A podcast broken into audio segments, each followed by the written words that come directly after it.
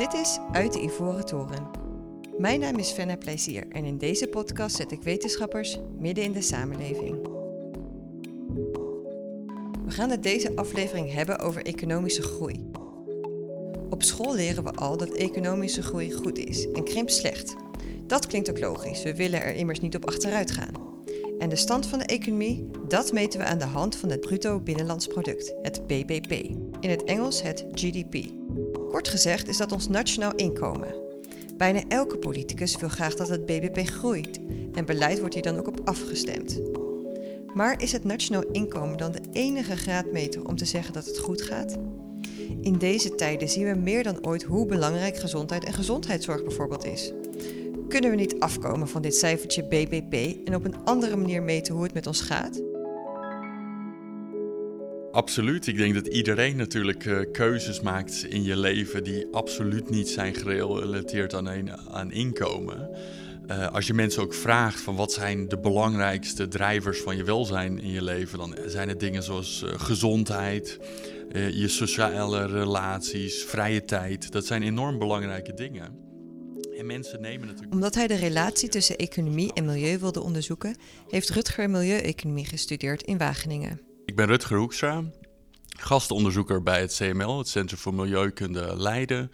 Uh, en heb daarnaast ook een consultancybureautje waar ik onder andere werk voor de Wereldbank en de Verenigde Naties. Ik vroeg hem of zijn interesse in duurzaamheid en ongelijkheid kwesties ook voortkwamen uit zijn jeugd in Kenia, waar hij als kind een aantal jaren woonde. Ja, dat heeft er wel mee te maken, maar uh, eigenlijk was ik al ik denk dat je daarmee bedoelt armoede en, en dat soort zaken. Heeft er denk ik wel mee te maken, maar ik was ook al heel jong, eigenlijk van kinds af aan was ik al bezig met milieu. Mijn moeder zei ook altijd, uh, als wij op een camping kwamen, ook in Zuid-Afrika kwamen we wel eens. En er lagen allerlei blikjes of zo, dan ging ik die altijd opruimen, zeg maar. Dat, dat was een enorme behoefte.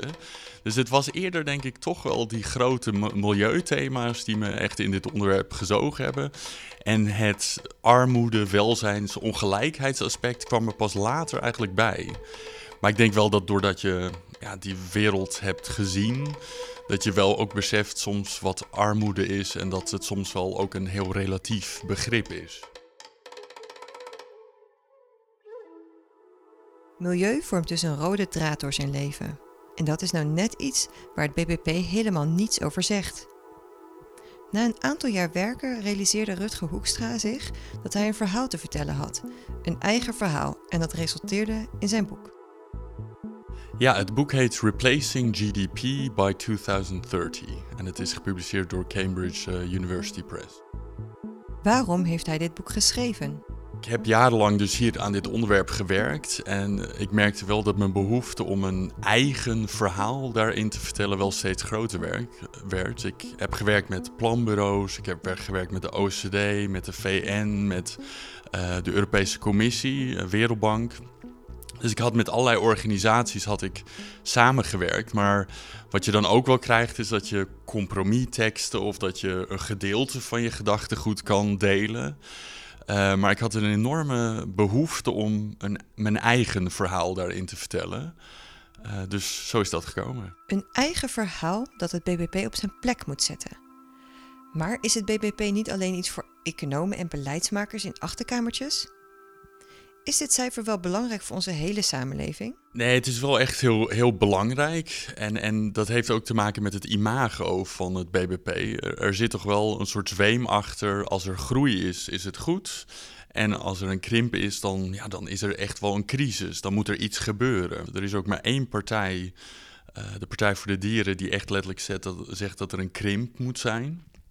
Um, en alle anderen houden het een beetje bij van nou ja, we zouden eigenlijk, uh, uh, eigenlijk milieuverbeteringen willen zien, maar toch nog wel economische groei. Dus moeten meer partijen de Partij voor de Dieren volgen? Nou, ik ben het eigenlijk dus met niemand eens. Dus zowel de voorstanders van groei, of die het een beetje stilzwijgend eigenlijk. Uh, um, stilzwijgend eigenlijk adopteren. Of de Partij voor de Dieren die zeggen krimp. Hè? Dus je moet echt krimp hebben ik zelf denk dat in het huidige, de huidige economie is echt niet houdbaar. Maar het is denk ik theoretisch niet te zeggen of, of er een economie bestaat over 20, 30 jaar die op een hele andere manier is ingericht, waarbij geen groei um, zou kunnen samengaan met welzijn, uh, duurzaamheid of, uh, of dalende ongelijkheid. Dus mijn, mijn message is met name, uh, en dat is ook wat Kate Rayworth zegt in Donut Economics, we moeten af van het kijken de hele tijd naar groei. We moeten duidelijk krijgen wat zijn de doelen van een maatschappij. En dat is welzijn voor de bevolking nu. Zorgen eigenlijk dat toekomstige generaties nog op deze planeet kunnen leven. En dat we de ongelijkheid ook uh, in, in kaart hebben. En dat zijn de echte doelen. En of je die doelen bereikt met meer of minder inkomen, dat is in feite uh, irrelevant. We moeten af van het paradigma groei of krimp, maar het BBP is nu nog wel relevant en een ontzettend machtig cijfer. Zelf spreekt Rutger in zijn boek over de multinational GDP, omdat het een duidelijk product heeft, namelijk een cijfer, waar vraag naar is over de gehele wereld. Waarom is deze multinational GDP, of BBP, zo succesvol? Ja, dat heeft heel erg te maken met uh, eigenlijk de periode rond de oorlog. Uh, eigenlijk zie je dat in die periode de econoom is opgestaan. En de econoom als adviseur van de overheid.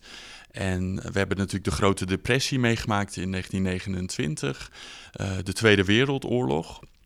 En economen hebben een enorm belangrijk uh, adviesfunctie gekregen in die twee crisissen.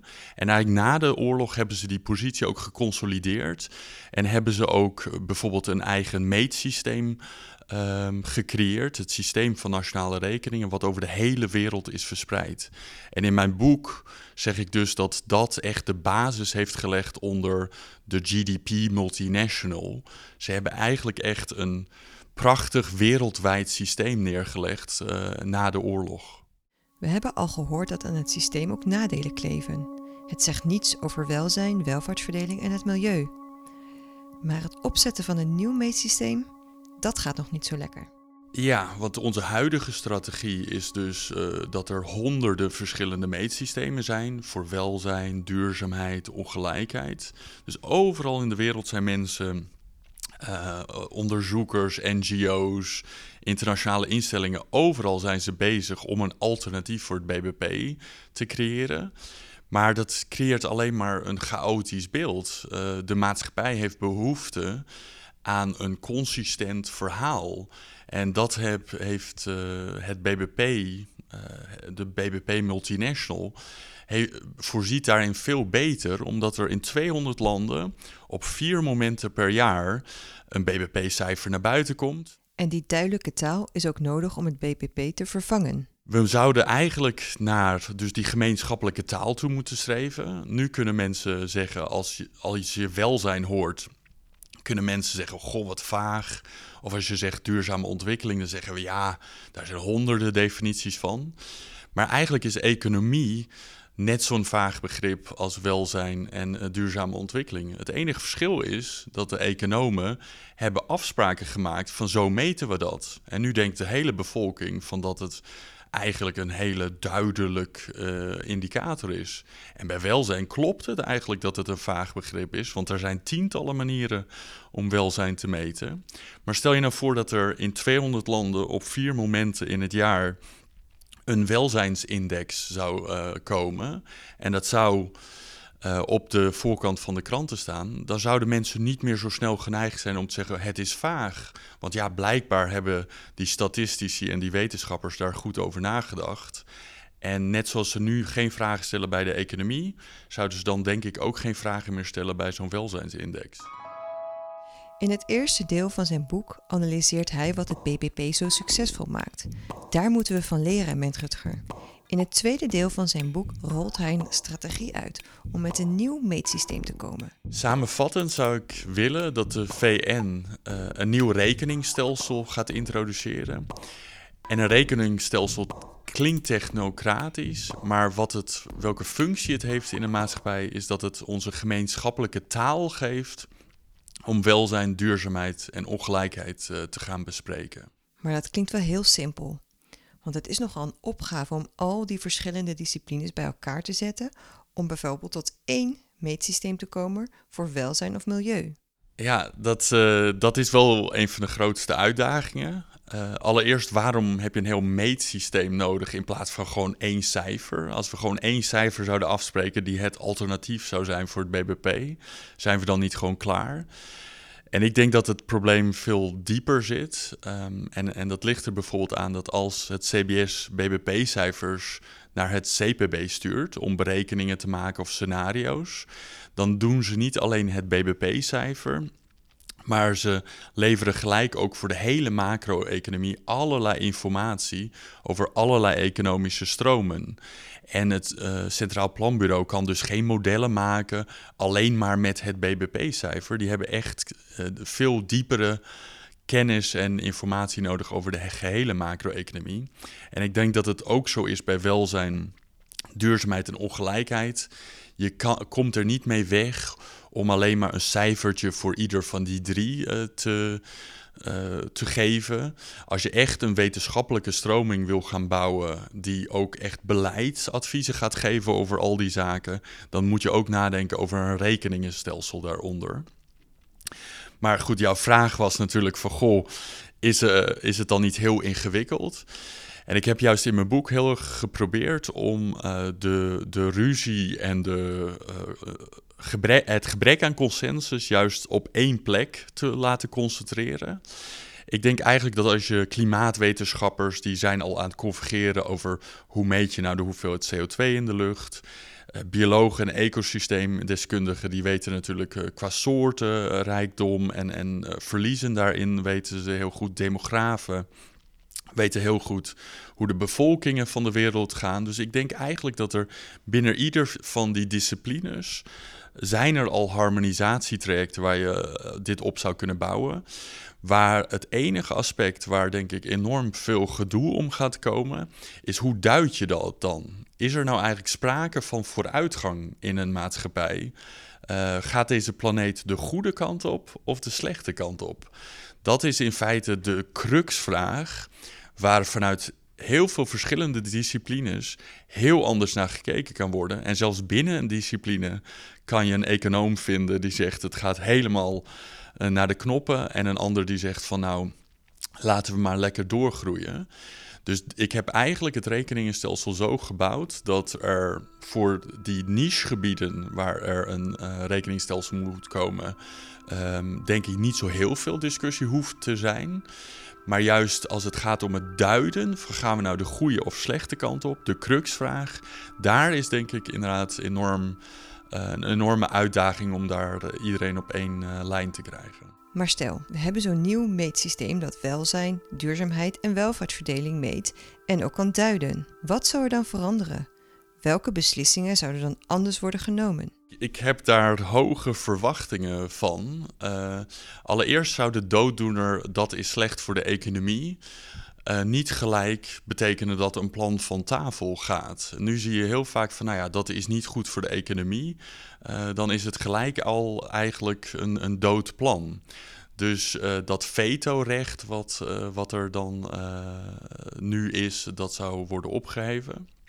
En het tweede is dat als er een plan wordt beoordeeld, dat in feite de welzijnseffecten, de duurzaamheidseffecten en de ongelijkheidseffecten gelijk mee worden genomen.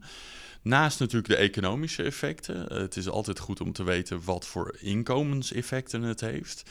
Maar het doel van een beleid is om welzijn in het heden, in de toekomst uh, te waarborgen. En ook om te zien wat voor ongelijkheidseffecten het heeft. En ik denk dat je dat bijvoorbeeld in de klimaatdiscussie ziet. Dat uh, in Frankrijk er natuurlijk een, een, uh, een petrol tax werd ingevoerd. Zonder dat men eigenlijk doorhad ook wat de ongelijkheidsgevolgen daarvan zouden zijn. En dat heeft toen ook de, de gele hesjes protesten opgeleverd in, in Frankrijk. En ik denk dat met al het beleid is het ontzettend belangrijk om goed in kaart te brengen wat de welzijnseffecten, duurzaamheidseffecten en ongelijkheidseffecten zijn. Maar hebben we een gezamenlijk doel als samenleving? Is er wel behoefte om andere dingen te meten? Moeten we dus niet eerst de discussie gaan voeren over wat we willen? Absoluut, maar tot op zekere hoogte voeren we die discussie natuurlijk al decennia. Um, en, en ik denk wat we nodig hebben in die discussie is ook bewijzen en, en uh, statistieken om dat te ondersteunen. En ook met gewicht. Die moeten wel een bepaald gewicht hebben. En dat is denk ik wat zo'n global systeem zou, zou opleveren. Waar ik het wel. Waar ik wel over na zit te denken is of uh, naast statistieken ook niet narratives en verhalen belangrijk zijn. Want waarom uh, economische groei in een maatschappij belangrijk wordt gevonden, heeft ook te maken met inderdaad hoe we daarover denken. En, en uh, je ziet die, dat soort discussies ook veranderen in de tijd. Na de oorlog vonden we de overheid enorm belangrijk. Toen in de periode vanaf de jaren tachtig zeiden we eigenlijk van nou, de overheid moet zo klein mogelijk en eigenlijk laat het bedrijfsleven maar zijn gang gaan. En eigenlijk na de crisis hebben we daar niet een nieuw antwoord op gevonden. En ik denk wel dat er naast zeg maar cijfers en, en uh, feiten, dat je ook moet gaan kijken van wat voor verhalen zitten daarachter. En daar zijn we denk ik wel naastig naar op zoek. Van wat is het nieuwe verhaal? Wat is het doel van ons leven binnen die maatschappij? Uh, en daar merk je wel dat daar uh, nog geen eenduidig antwoord op is. Maar is het niet heel erg eng voor politici om het doel economische groei los te laten, terwijl er nog geen eenduidig antwoord is op de vraag: wat is ons nieuwe doel? Ja, en toch zeiden ze dus in de miljoenennota dit jaar van goh, uh, ons kabinetsbeleid is gericht op welvaart in brede zin. En dat was denk ik een hele interessante stap. En je ziet eigenlijk dat steeds meer landen, uh, Nieuw-Zeeland, IJsland, die gaan ook steeds vaker hun begroting bijvoorbeeld opstellen op basis van welzijn in plaats van op basis van economische groei. Um, dus er zijn heel veel landen mee bezig, maar uh, er moet nog wat meer body uh, komen. En die body zou ook ondersteund kunnen worden met een meetsysteem. Absoluut. En, en die moet gevoed worden met, uh, uh, met cijfers. Maar het blijft natuurlijk uiteindelijk aan een maatschappij om te beslissen wat je daarmee doet. Maar dat is niet anders dan nu het Centraal Planbureau bijvoorbeeld. Die rekent alle verkiezingsprogramma's door om te kijken wat de effecten zijn op de economie, maar ook op, um, op milieuaspecten, ook op ongelijkheid.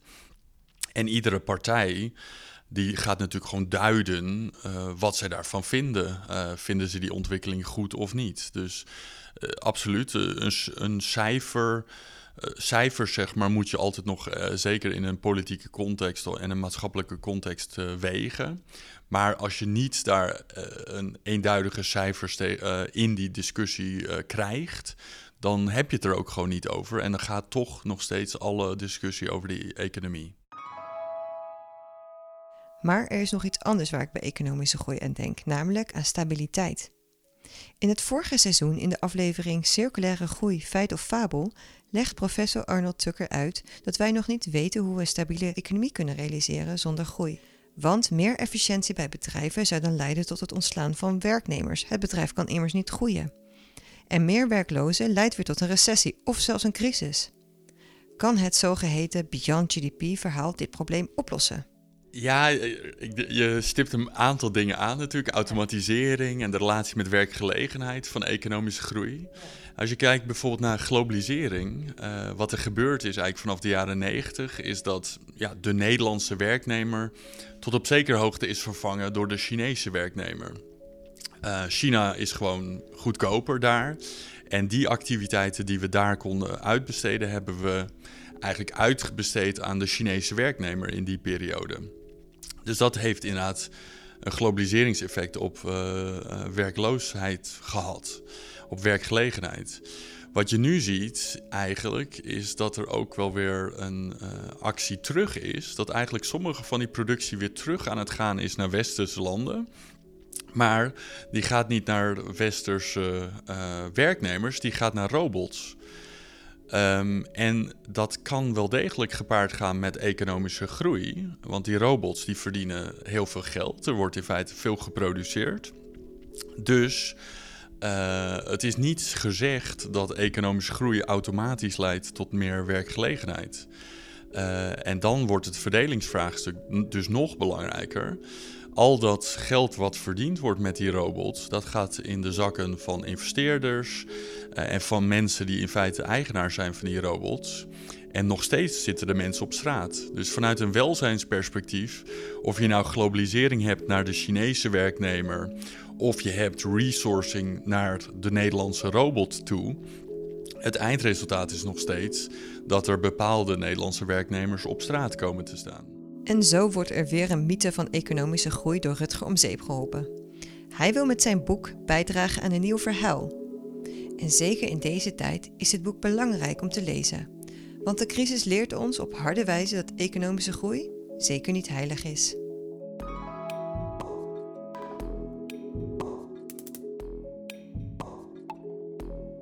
Deze podcast is gemaakt door Fenna Plezier voor het Leiden Delft Erasmus Center for Sustainability.